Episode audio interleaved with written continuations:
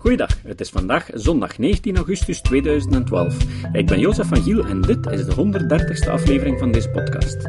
Deze aflevering kwam tot stand mede dankzij Rick de Laat. De muziek is van Nick Lucassen. Ik heb me als goede scepticus ook afgevraagd wat me van mening zou kunnen veranderen in deze discussie.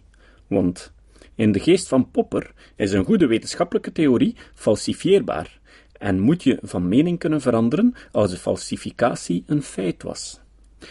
Een bevestiging dat de CRU-mails een grote zwendel aan het licht brengen, zou mij al serieus doen wankelen. Een IPCC-lid die uit de biecht spreekt en de wantoestanden al daar aan het licht brengt. Verder zou ik bewijzen nodig hebben die aantonen dat het isolerend effect van CO2 fout is of dat de uitstoot door de mens veroorzaakt verwaarloosbaar is in vergelijking met de natuurlijke bronnen of oorzaken van de opwarming. Dat de metingen van het krimpen van de gletsjers al die tijd foutief was. Dat de historische temperatuursmetingen fout waren. Waarschijnlijk zal ik een combinatie van enkele van deze argumenten moeten nodig hebben om van kamp te veranderen. Benieuwd of dit aan het einde van deze aflevering zover komt? En jij? Wat zou jou van kamp doen veranderen?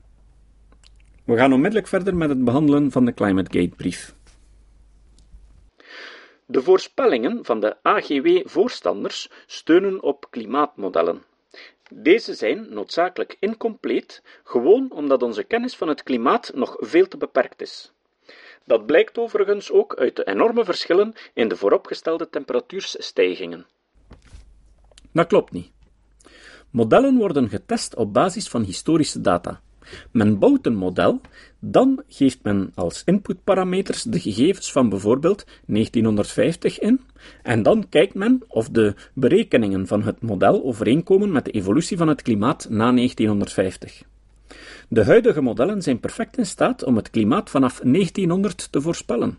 Bovendien mislukken alle klimaatmodellen om de historische verschijnselen te voorspellen als je de CO2-uitstoot door de mens uit de inputgegevens haalt. Bijna gans Noord-Amerika en Mexico had dit jaar te kampen met extreme droogte. Maar wat meer is, in mei, dus voordat dit het geval was, vond ik een artikel in De Morgen dat de klimaatmodellen dit jaar extreme droogte voorspelden in Mexico en Noord-Amerika. Blijkbaar zijn die klimaatmodellen dus toch beter dan je denkt. Dit is natuurlijk maar één voorbeeld, maar wel frappant. Bovendien lees ik op 5 augustus op de website van de Washington Post een artikel waarin wel degelijk een verband wordt gelegd tussen het extreme weer en de klimaatopwarming. In dat artikel betoogt James Hansen dat we ook zonder klimaatmodellen niet meer naast de feiten kunnen kijken. Hij beargumenteert dit door observaties van 1951 tot 1980 te vergelijken met nu. In die periode had slechts 0,2% van het aardoppervlak met extreme temperaturen te maken. Nu is dat 10%. De invloed van CO2 is niet lineair, maar logaritmisch. Dit betekent dat de grootste invloed van CO2-uitstoot eigenlijk al voorbij is en bovendien niet bijzonder is groot is geweest. Dat klopt, voor een stuk. Maar het probleem is wel dat we CO2 aan het uitstoten zijn met een exponentieel verloop. Ik heb vroeger al een vierdelige podcastreeks gewijd aan het verschijnsel van exponenten en hoe ze gans ons leven bepalen en onze situatie niet alleen problematisch maken omwille van de CO2, maar ook omwille van de natuurlijke reserves, de bevolkingsexplosie en de economische groei. Ten slotte wilde ik ook nog even terugkomen op de beruchte uitgelekte CRU-mails. Door de aanhangers van AGW worden deze vlug-vlug onder de mat gekeerd of als onbelangrijk afgedaan. De besluiten blijven immers overeind, zegt men. Voor mij is dit naast kwestie. Hebt u de mails doorgenomen? U zult dan wel duidelijk lezen dat de modellen worden gemanipuleerd en aangepast naar gelang de noden van de wetenschappers. Op dat moment houdt het op. Wat er verder uit het onderzoek voortvloeit, is betekenislos. De wetenschappers zijn onbetrouwbaar en dienen ontslagen te worden. Dat is pertinent onjuist. Sinds je me dit bericht opstuurde, zijn deze mails nog eens driemaal door onafhankelijke organisaties onderzocht en telkens komt men tot de vaststelling dat er helemaal geen sprake is van manipulatie in deze mails. Op The Amazing Meeting 9 in 2011 besprak Eugenie Scott de zogenaamd meest controversiële passages uit deze mails. In die indrukwekkende mail stelt Phil Jones voor om Mike's Nature Trick opnieuw toe te passen om de afname te verbergen. Dat klinkt inderdaad zeer verdacht en geeft de indruk van manipulatie. Maar, zoals je weet, kan je eigenlijk gelijk welke uitspraak uit zijn context gebruiken voor verdachtmakingen. Zoals je weet zijn creationisten daar zeer bedreven in en gebruiken de uitspraak God speelt niet met dobbelstenen van Einstein om aan te geven dat hij religieus was. Of Darwin, die in over de oorsprong der soorten schrijft dat het een absurditeit lijkt te geloven dat het oog door natuurlijke selectie is ontstaan. Maar u weet evengoed als ik dat deze uitdrukkingen buiten hun context een volledig verkeerd beeld geven. Einstein bedoelde dit metaforisch, omdat hij de willekeur van kwantummechanica niet kon aanvaarden. Hij had trouwens ongelijk. En Darwin gebruikte dit enkel als inleiding om daarna uit te leggen dat de absurditeit slechts schijn is en dat het wel degelijk mogelijk is om de evolutie van het oog te verklaren. Zo ook de tekst uit de beruchte CRU-mail. De zogenaamde truc van Michael Mann gaat over het volgende. Enkele jaren eerder had Michael Mann een artikel in Nature gepubliceerd, waarin hij op een eenvoudige en begrijpelijke manier voor het grote publiek enkele statistische gegevens op één grafiek probeerde te krijgen. Het woord truc slaat hier helemaal niet op het bewust manipuleren van gegevens opdat die zouden passen in hun kraam, maar wel op het combineren en bewerken van een grafiek op zo'n manier dat ze gemakkelijker te begrijpen is voor het grote publiek. De bewuste mail handelde helemaal niet over een wetenschappelijke publicatie in een peer-reviewed tijdschrift, maar over een artikel voor het grote publiek. En daarbij hoort noodzakelijkerwijs vereenvoudiging van de informatie bij. De besluiten van het IPCC steunen echter op de originele peer-reviewed onderzoeken, waarvoor een overweldigende consensus bestaat, niet op enkele populair wetenschappelijke artikelen. Begrijp me niet verkeerd. Populaire wetenschappen zijn zeer belangrijk. Als ik dat niet vond, dan zou ik zeker deze podcast nooit begonnen zijn. Maar de wetenschappelijke conclusie moet genomen worden op basis van het originele werk. Bovendien slaat die afname, waarover Jones in zijn mail spreekt, helemaal niet over afname in temperatuur, maar over afwijkingen in de jaarringen van bomen na 1960. De breedte van die ringen, die een maat zijn voor de temperatuur, komen in de periode niet overeen met wat men zou verwachten op basis van de gemeten temperatuur in die periode. Het is belangrijk om op te merken dat het woord afname in het Engels decline veel betekenissen heeft, en hier duidelijk bedoeld werd als afname in de correlatie tussen de dikte van de jaarringen en het verloop van de temperatuur. Deze anomalie is trouwens nooit verborgen gehouden, maar is sinds 1995 in verschillende wetenschappelijke artikels beschreven geweest, waaronder Brifa in 1998. Voor Brifa was dit probleem zeer belangrijk omdat jaarlingen een belangrijk meetinstrument zijn om historische temperaturen te onderzoeken en dergelijke anomalieën dus begrepen moeten worden. Zo werkt wetenschap nu eenmaal. In de notitiepagina heb ik een link geplaatst naar het onafhankelijk e-mail review rapport van CCE.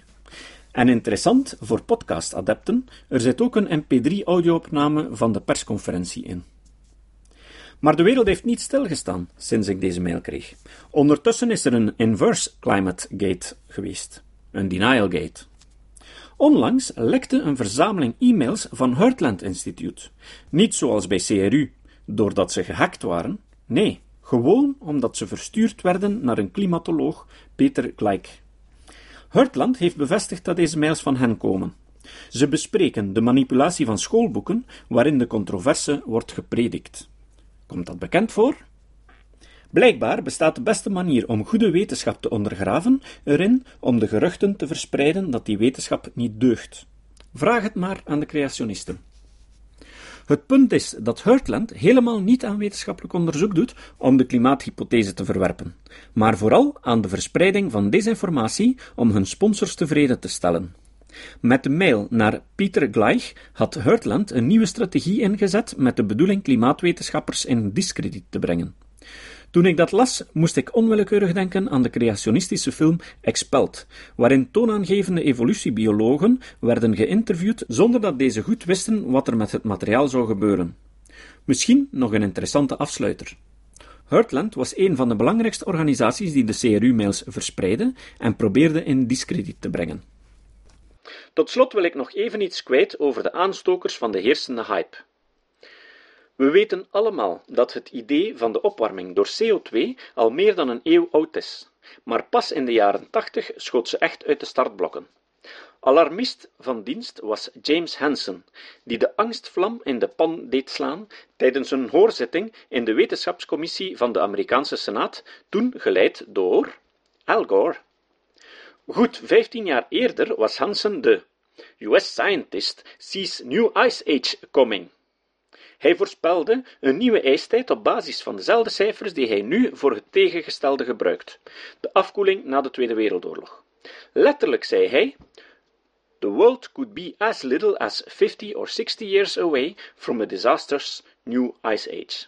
Ik ben oud genoeg om me de doemverhalen uit die tijd, die vrijwel de hele jaren 70 circuleerden, te herinneren. Hansen is ook degene die de hockeystick-grafiek, eveneens een foute voorstelling van de feiten, de wereld instuurde. En twintig jaar geleden voorspelde hij dat binnen twintig jaar bepaalde delen van New York onder water zouden zijn verdwenen. Twintig echte jaren later is de zeespiegel daar geen centimeter gestegen. Ik heb een TED-talk van James Hansen toegevoegd aan de notitiepagina. Die moet je zeker zien. Dat Hansen vroeger zou beweerd hebben dat we naar een ijstijd toegaan, is een van de populairste argumenten bij klimaatskeptici en is gebaseerd op een artikel van 1971 dat de effecten bespreekt van de uitstoot van grote hoeveelheden aerosolen in de lucht. Dat artikel werd geschreven door Razul. En Hansen komt niet voor in de lijst van auteurs. De reden waarom Hansen in verband gebracht wordt met deze paper is dat Razul gebruik maakte van een simulatieprogramma dat Hansen had ontwikkeld. Maar het is niet omdat ik Excel gebruik om berekeningen te maken die me tot foute conclusies leiden, dat Microsoft mede verantwoordelijk is voor mijn resultaten. Hoe dan ook, Zoals we al zeiden, is wetenschap een proces van geleidelijke vooruitgang. In de jaren 70 van de vorige eeuw is er trouwens al een meerderheid van de klimaatwetenschappers die de theorie van de opwarming aanhing. Volgens een survey door Peterson in 1908 uitgevoerd was dat 62 procent. 28% van de onderzoekers had geen standpunt en 10% voorspelde afkoeling. Sindsdien zijn er steeds meer studies uitgevoerd die de opwarming bevestigen, waardoor het aantal klimaatwetenschappers die deze theorie ondersteunen gestaag bleef aangroeien. Momenteel ondersteunt meer dan 97% van de klimaatwetenschappers de opwarmingstheorie. Bovendien heeft James Hansen al in 1988 gewaarschuwd voor de gevaren van de opwarming van de aarde, dus lang voor Al Gore het probleem opnam. Nu, twintig jaar later, blijken de voorspellingen van Hansen eigenlijk indrukwekkend nauwkeurig te zijn. Zijn voorspellingen waren vrij goed. Maar op 5 augustus van dit jaar zegt Hansen dat hij moet opbiechten dat hij te optimistisch was. De situatie is nog slechter dan hij voorspeld had. Opnieuw, dat is hoe wetenschap werkt. Beetje bij beetje komt men tot betere modellen. Wat betreft de hockeystick begreep ik eerst niet goed wat je met die opmerking bedoelde. Maar na wat zoeken, het is niet altijd zo gemakkelijk als je geen referenties geeft voor je beweringen, vond ik een artikel waarin klimaatontkenners beweren dat de beroemde hockeystick-grafiek statistische onzin is. De hockeystick-grafiek is een model dat het klimaat waarbij de temperatuur gedurende de voorbije 2000 jaar gestaag daalt, tot het einde van de 18e eeuw, om dan plots weer snel te stijgen.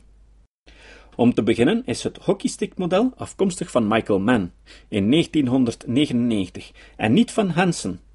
In 2004 heeft McIntyre de resultaten van Mann sterk bekritiseerd.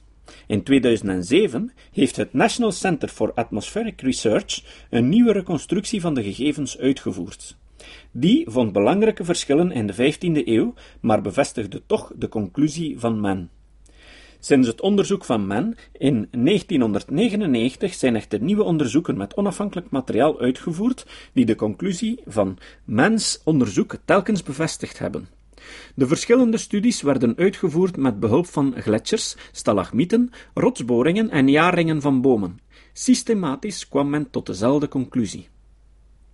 Tijdens het schrijven van deze tekst vind ik toevallig een artikel op Kennislink met als titel Zeespiegel stijgt nog sneller in New York. Dat aangeeft dat de zeespiegel in New York drie keer sneller stijgt dan wat twintig jaar geleden voorspeld was. Ik heb de link in de notitiepagina gestoken, net zoals al mijn andere bronnen natuurlijk. Elke week passeert er nieuw materiaal. Op de notitiepagina heb ik een link naar een YouTube-film geplaatst van nog een scepticus, Potholer54, die het argument dat de hockeystick een vervalsing zou zijn en dat de middeleeuwen warmer waren dan nu in al zijn details afbreekt. Via Hansen kwam de bal bij Al Gore terecht. De man bouwde er een imperium op en werd de eerste klimaatmiljardair. Misschien zijn Gore's bedoelingen niet slecht, dat weet ik niet. Maar voor hem is het in de eerste plaats een business. Ook zo voor IPCC-voorzitter Pachauri. Dit is een zakenman die fortuinen verdient aan koolstofhandel en staat aan het hoofd van het IPCC. Dit bewijst natuurlijk niet dat het IPCC verkeerd zit, maar het is belangenvermenging op een adembenemende schaal en volstrekt ontoelaatbaar. Opnieuw is dit alleen al reden om het IPCC, dat vooral uit ambtenaren bestaat, als compleet onbetrouwbaar te beschouwen. Die discussie wordt al te gemakkelijk uit de weg gegaan. Deze uitspraken zijn geen argumentaties. Maar hoe dan ook heb ik problemen om betrouwbare informatie te vinden die jouw standpunt bevestigt. Ik ben dus geneigd om die opmerkingen gewoon te negeren als ad hominems, ook naar ambtenaren toe. Toch ga ik even in op een aantal zaken in verband met deze uitspraken. Het verhaal gaat dat ze de geruchten rond de klimaatverandering aan gang willen houden, omdat anders de geldstroom voor het onderzoek droogvalt. Als je echt doordenkt over dat argument, dan kan je alleen maar besluiten dat het echt wel een zeer zwak argument is. Ten eerste gaat het hier over hoogbegaafde mensen met een gedegen wetenschappelijke kennis. Het is algemeen geweten dat wetenschappers wereldwijd knelpuntberoepen zijn. Onlangs las ik een artikel dat dat zelfs in Ghana zo is. De geologen in die panels bijvoorbeeld kunnen onmiddellijk aan het werk bij mijn- en oliemaatschappijen, waar ze veel meer zullen verdienen dan ze in hun laboratoria krijgen. Het is mogelijk dat er een hoop zijn die door dat soort argumenten kunnen gemotiveerd zijn. Maar ik denk dat het niet overdreven is om te stellen dat 20% van vooral jongere wetenschappers zullen inzien dat je zo'n illusie niet kan blijven aanhouden en dan zullen kiezen voor een andere job, waar je beter of zekerder werk kan krijgen. En op dat moment kunnen en zullen sommigen het bedrog naar buiten brengen. Zeker als ze naar een oliemaatschappij gaan. Waarom gebeurt dat niet? Maar aan de andere kant is de motivatie natuurlijk veel groter. Klimaatopwarming is een grote bedreiging voor een hele economie. De olieindustrie, de staalnijverheid, de betonindustrie, de elektriciteitsproducenten, de auto-industrie, logistiek. Je kan er zelf nog wel een hoop opnoemen. Deze belangengroepen hebben de beschikking over budgetten om hun belangen te verdedigen, waarbij het totale budget aan klimaatonderzoek gewoon verbleekt. Met hun budgetten zouden ze de volledige klimaathype kunnen neerdrukken met de nodige informatie. En toch gebeurt het heel weinig. Waarom niet? Waarschijnlijk omdat de argumenten niet voor het rapen liggen. De mensen veel minder slecht zijn dan sommige complotdenkers ons graag doen geloven. Waarschijnlijk zijn veel CEO's van deze CO2 uitstotende bedrijven, die ook gewone mensen zijn en dikwijls ook andere belangen dan geld zien, zich goed bewust van de problemen en verkiezen ze om te zoeken naar manieren om hun schip geleidelijk een andere koers te laten varen, of zwijgen ze gewoon om niet te veel op te vallen en doen stilletjes verder zolang de overheden hen geen beperkingen opleggen. Behalve hier of daar een die dan toch Heartland Instituut sponsort. In ons eigen land is het onder andere Nick Balthazar die garen spint bij de hype. Er is schokkend veel hypocrisie mee gemoeid. They don't walk the talk. Ze preken hel en verdoemenis. Maar ik wil de CO2-voetafdruk van Al Gore niet zien. Ook Balthazar trekt fotogeniek de wereld rond, tonnen CO2 in zijn zog, en spoort zijn publiek aan tot reizen en vertoerisme. Voor mij niet gelaten hoor, maar hoe rijm je dat? Hypocrisie ten top. Vindt u ook niet dat die mensen moeten zwijgen of hun levenswijze compleet omgooien? Ik vind dat een moeilijke opmerking. Als je aan de wereld iets wil verkondigen, moet je reizen, en reizen is milieubelastend. Maar als je daarmee bewustzijn kan creëren en zo voor een structurele verandering kan zorgen, is dat misschien verantwoord. Ik weet in ieder geval dat de wereld veranderd is nadat Al Gore aan de kar is gaan trekken. Dat de Republikeinen dat niet leuk vonden, vooral omdat hun sponsors dat niet leuk vonden, is een andere zaak. Dat ze dan gebruik gemaakt hebben van Al Gore's politieke verleden om zijn boodschap verdacht te maken? Staat u mij even toe mijn visie op de hele opwarming van de aarde-hype toe te lichten? Dit is een eerlijk besluit, genomen na veel te lezen, tientallen opinies te beluisteren en zelf na te denken. Ik denk dat het een scepticus betaamt om op die manier zijn mening te vormen. Ik heb veel respect voor iemand als James Randi. Op mijn leeftijd blijven er weinig mensen over waarvoor ik bewondering heb, naast Randi met name nog Carl Sagan en Arthur C. Clarke. Maar dat hij in het kamp van de believers, excusez-moi le mot, postvat, beïnvloedt mijn besluitvorming niet. Dus, in de jaren tachtig werd de stelling dat de aarde opwarmt door het verbranden van fossiele brandstoffen geponeerd door een wetenschapper met een weinig betrouwbare achtergrond. Maar zijn these klonk logisch en werd ondersteund door een zekere correlatie. Opnieuw, correlaties zijn er legio. De politiek nam deze wetenschapper onder de arm en knutselde het IPCC in elkaar. Dit is een politiek orgaan, gestuurd door ambtenaren en zakenmensen, niet door wetenschappers, dat gedurende vele jaren vreselijk veel geld werd toegestopt voor onderzoek. Het is een recept voor een decadente organisatie die als doel heeft zichzelf in stand te houden, zoals bijvoorbeeld ook Greenpeace, waarvan ik nog jaren lid was. Het specialiseert zich in de praktijken waarvan het de ontkenners van beschuldigt: cherrypicking. Want als het de gewenste resultaten produceert, kan het nog meer fondsen losweken en dus verder werken. Job protection noemt men dat. En ik heb er alle begrip voor. Ik heb het in mijn eigen omgeving ook al gezien. Het is een menselijke reflex. Maar waarom reizen zoveel IPCC'ers de wereld rond om conventies te houden in exclusieve resorts? Weer zo'n ongerijmd gedrag.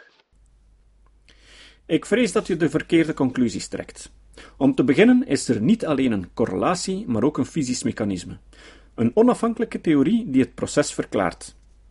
Er zijn verschillende onafhankelijke empirische bewijslijnen die tot hetzelfde besluit komen. Op Skeptic Magazine staat een zeer goed artikel dat nog eens alle bewijzen op een rijtje zet, weer al van een scepticus. Het IPCC is wel degelijk een organisatie die samengesteld werd op basis van wetenschappelijke verdiensten van de leden. Ik heb je daarvoor al verwezen naar Brian Dunning, die er onlangs een aflevering van Skeptoid aan gewijd heeft. En je weet, Brian Dunning doet ook zeer degelijk werk in zijn onderzoek. Het idee van het grote geld is natuurlijk veel meer van toepassing voor klimaatontkenning, die gesponsord zou kunnen zijn door de grote oliemaatschappijen, kolenmijnen en chemische industrie. Ik denk dat de budgetten die het IPCC kan verkrijgen verbleken bij wat deze organisaties ter beschikking kunnen stellen.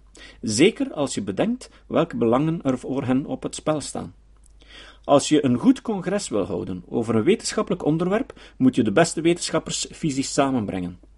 Dat is voor klimaatwetenschappers niet anders. En ja, het belast het milieu. Maar het is niet voor de hand liggend om het anders te doen. En als je het niet doet, gebeurt er niets. En dat is nog veel erger. De media wordt ook perfect aangewend. Rampscenario's doen het altijd goed. Ik herinner me nog het verhaal rond de Antwerpse speleologe die in een Pyreneese grot haar voet brak en de heisa die daar rond ontstond. Als je het nieuws volgde, zou je gedacht hebben dat half West-Europa te been was om haar eruit te halen. En wat een geld dat niet gekost heeft. De waarheid? Andere amateurspeleologen ontzetten haar vrijwel kosteloos. Maar dat verkoopt niet. Weinig beroepsgroepen zijn zo onbetrouwbaar als journalisten, vrees ik.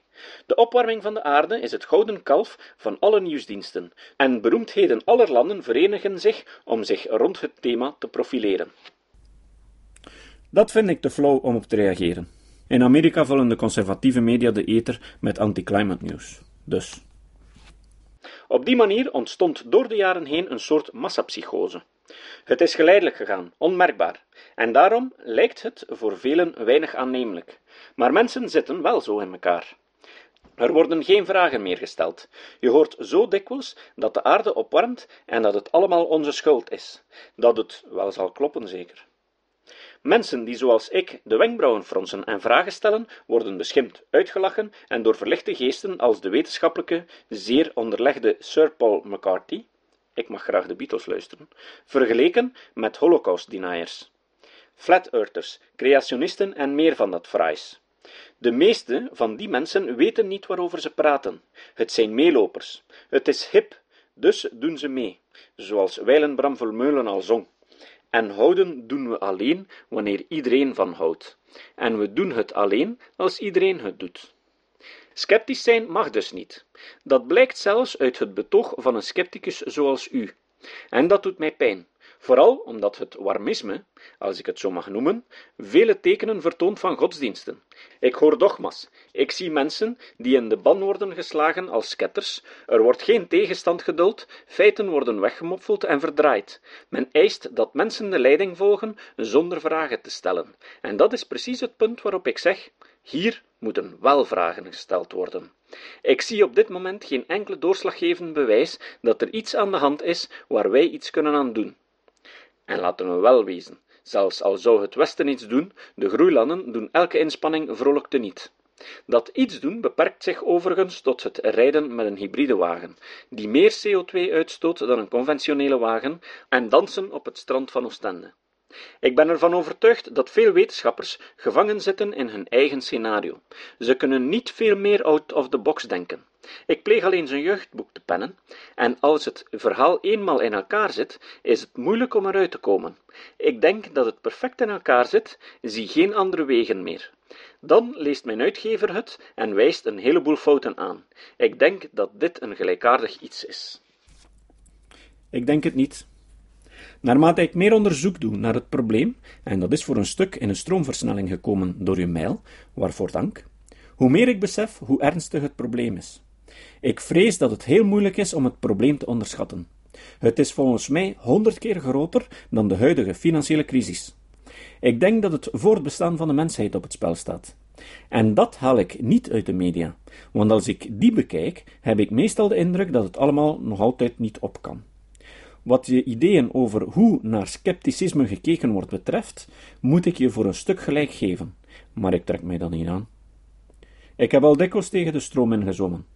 Je weet heel goed dat sceptici niet voor de gemakkelijkste weg kiezen. Dan moet je ook niet klagen dat je tegenwind krijgt. Anderzijds betekent dat natuurlijk niet dat je gelijk hebt met je standpunt over het klimaat. Net zoals Wesley Wesley geen gelijk heeft over zijn perpetuum mobile, ondanks het feit dat hij dat blijft verdedigen tegen de algemene opinie in, en net zoals die kerel die geen gelijk heeft die me vorige week twitterde over de genezingskracht van kamelenmelk. Wat je opmerking over religie betreft, het NCSI, National Center for Science Education is een Amerikaanse organisatie dat al jaren biologieleraars ondersteunt die te maken krijgen met creationisme. Onlangs besliste het NCSI om een nieuwe afdeling op te richten om leraars te ondersteunen die te maken hebben met ontkenning van de klimaatopwarming. Het NCSI heeft in die korte tijd een zeer uitgebreide, zeer toegankelijke gegevensbank opgebouwd met informatie over het fenomeen van de klimaatontkenning.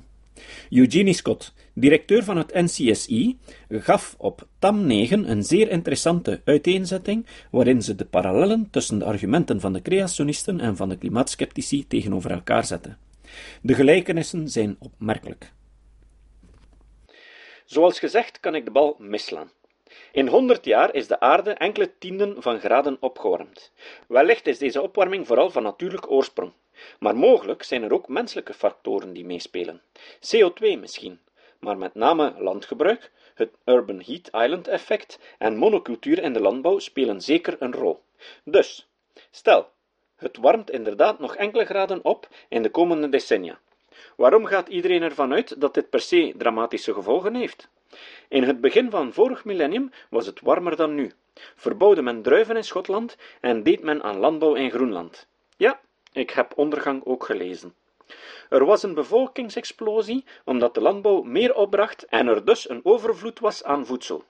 Precies hierdoor consolideerden de steden zich en werd er stilaan een aanzet gegeven voor de ontwikkeling die tot de verlichting zou leiden. Overigens, meer CO2 in de atmosfeer leidt tot betere plantengroei en grotere voedselproductie. Men heeft het over doden die bij een hittegolf vallen en extrapoleert dat, maar men zwijgt over het veel grotere aantal koude doden dat elk jaar opnieuw valt, dat in het geval van een warmer klimaat dus zal verminderen. Mensen hebben veel meer baat bij warmte dan bij kou. Ten slotte zijn doemscenario's in verband met de derde wereld compleet ongefundeerd, omdat het opnieuw over modellen gaat. De weg uit de miserie voor de derde wereld is democratie en economische ontwikkeling. Voilà, tot daar mijn kijk op de zaak. U mag er brandhout van maken, zeggen op welke zere plekken in dit betoog een vinger moet worden gelegd, en zo verder.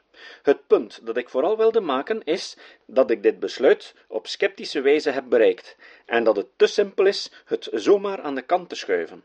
Nog veel succes met je podcast. Vriendelijke groeten. Ik heb de naam van de schrijver van deze brief weggelaten. In de periode dat ik aan deze podcast gewerkt heb, vond ik voortdurend nieuwe informatie dat ik verder kon verwerken. Maar zo kan je blijven schrijven. Maar enkele zaken wil ik jullie toch nog melden. Tijdens mijn reis door Canada waren er drie zaken die me voortdurend intrigeerden. 1. Overal in het noordwesten van Canada zag je dode bomen. Niet zomaar enkele, maar soms hele bossen die dood waren. Toen ik me informeerde, vertelde men mij dat in sommige natuurparken 80% van de bomen dood waren. De oorzaak ligt bij de pine beetle, een kleine schorskever dat de inheemse dennenboom aantast. De reden die men mij daarvoor aangaf waren de milde winters van de vijf voorbije jaren. Toen ik weer thuis was, viel mijn oog toevallig op een artikel in Scientific American, waarin de opgang van deze pine beetle rechtstreeks in verband gebracht werd met de opwarming van de aarde. Eén artikel bespreekt hoe de opgang van de pine beetle voorspeld werd door de computermodellen. 2. Toen we thuis vertrokken, stond Colorado in lichterlaaien. En gedurende onze volledige reis van drie weken zagen we altijd maar nieuwsberichten over die branden en de enorme omvang ervan, en dat ze blijkbaar niet onder controle te krijgen waren. Het sprak me natuurlijk nog veel meer aan, omdat ik drie jaar geleden die streek en de grote bossen ervan bezocht had. Maar in de laatste week begonnen er ook berichten te komen over branden in Alberta en andere gebieden in Canada. Deze week zag ik in Technology Review een artikel waarin deze berichten in verband werden gebracht met de opwarming van de aarde. In feite was er een direct verband met het vorige fenomeen. Door het massale afsterven van bomen door de pine beetle worden bossen rijk aan droog hout dat gemakkelijk in brand vliegt. En combineer dat nog eens met de extreme droogte in Amerika dit jaar. 3. Toen we onze valiezen maakten, had ik er bij mijn gezinsleden op aangedrongen om een muts en handschoenen mee te nemen, want we zouden enkele tochten over zee maken en op vrij grote hoogte in de bergen zitten. We hebben die niet nodig gehad. Integendeel. In Yellowstone, dat 2500 meter boven de zeespiegel zit, was het 30 graden. Celsius wel te verstaan. Hadden we niet gezegd dat vooral de temperaturen op grotere hoogte stijgen door de opwarming van de aarde? Zoals je weet zijn Amerikanen zeer communicatief. Het kwam dus regelmatig voor dat ik met een of andere een gesprek had. Iemand uit Washington DC wist me te vertellen dat hij gevlucht was voor de extreme hitte aan de oostkust. Een andere wist me te vertellen dat de temperaturen in de staat Washington in het westen uitzonderlijk waren. Ondertussen heeft Rick Perry in de staat Texas een gebedsdag georganiseerd tegen de droogte. Maar niet alleen daar. België en Nederland waren dit jaar waarschijnlijk uitzonderingen. Spanje, Italië, delen van India en China hadden dit jaar te kampen met extreme droogtes in bepaalde gebieden. De Balkan leidt momenteel aan watertekort door droogte. Noord-Korea gaat opnieuw een droog rampjaar tegemoet.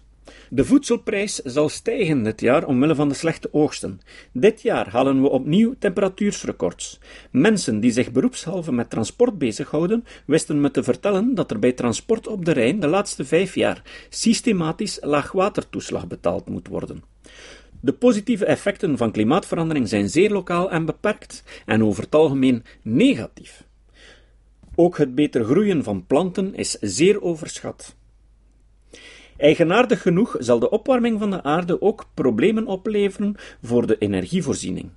Het zal zorgen voor minder en voor warmer water in bepaalde gebieden, zodat thermische elektriciteitscentrales minder koelwater ter beschikking zullen hebben, met als gevolg een lagere capaciteit en rendement.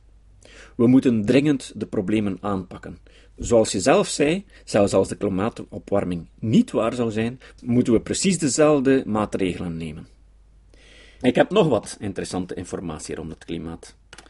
De belangrijkste website waaruit ik het materiaal voor deze aflevering haalde is Skeptical Science, die zeer waardevolle informatie heeft en zowat alle argumenten van de ontkenners beantwoordt.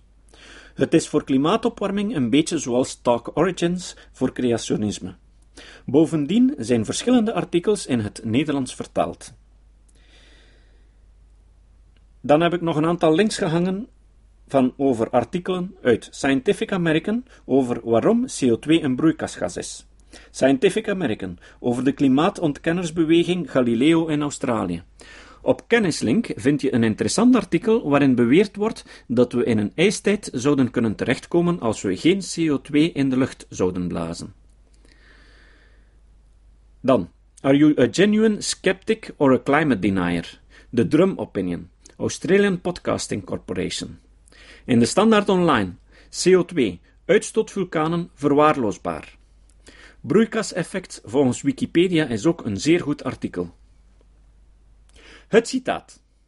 Het citaat van vandaag is een tweet van Neil deGrasse Tyson op 31 juli 2012. Neil deGrasse Tyson is een astronoom en populariseerder van wetenschap. Hij is vooral in Amerika zeer bekend als presentator van populair wetenschappelijke programma's en wordt soms ook wel de zwarte Carl Sagan genoemd. Op YouTube vind je trouwens heel veel filmpjes over hem. Onlangs schreef hij een boek over de val van Pluto als planeet. Een beslissing waar hij zelf binnen de astronomische gemeenschap de kat de bel aanbond en zo een hele generatie Pluto-fans in het harnas joeg. Tyson is ook een gedroomd rolmodel voor de zwarte gemeenschap in Amerika. Tyson zei: Soms vragen ze mij of ik geloof in de klimaatopwarming. Tegenwoordig antwoord ik simpelweg met de vraag: Geloof jij in zwaartekracht? Tot de volgende keer. En vergeet niet om de podcast Kritisch Denken te steunen. Daar bestaan veel manieren voor. Om te beginnen kan je mij geldelijk steunen. Dat geld gebruik ik uitsluitend om de podcast beter te maken. Ik heb al geïnvesteerd in beter geluidsmateriaal en betaal er de bandbreedte mee. Voor details om stortingen te doen vind je op de homepage een link met de naam Steunen. En ik wil natuurlijk ook iedereen bedanken die dat ondertussen al deed. Maar je kan me ook steunen door een review te schrijven op iTunes, of door minstens aan twee mensen de podcast aan te raden, of door Twitterberichten rond te sturen met reclame voor de podcast. Je kan me ook volgen op Twitter met de naam Russell Steepot. Ten slotte ben ik ondertussen ook begonnen met een Facebookpagina, maar dat lukt niet zo goed. Als iemand me de raad kan geven hoe het beter kan, stuur me dan via Facebook een bericht. De link naar de Facebookpagina van deze podcast staat op onze website. Dit was de podcast Kritisch Denken. Vergeet niet om alles kritisch te behandelen, ook deze podcast. Voor verdere informatie over deze podcast, links en voor de tekst, surf naar www.kritischdenken.info. Als je deze podcast belangrijk vindt, kun je me steunen door anderen warm te maken ook eens te luisteren. Stuur een e-mail naar vrienden met een link naar de website en plaats de link in de handtekening van je e-mails. Tevens kun je op iTunes deze podcast een beoordeling geven of een recensie schrijven. Of je kan op je eigen website of blog een link naar kritisch denken plaatsen.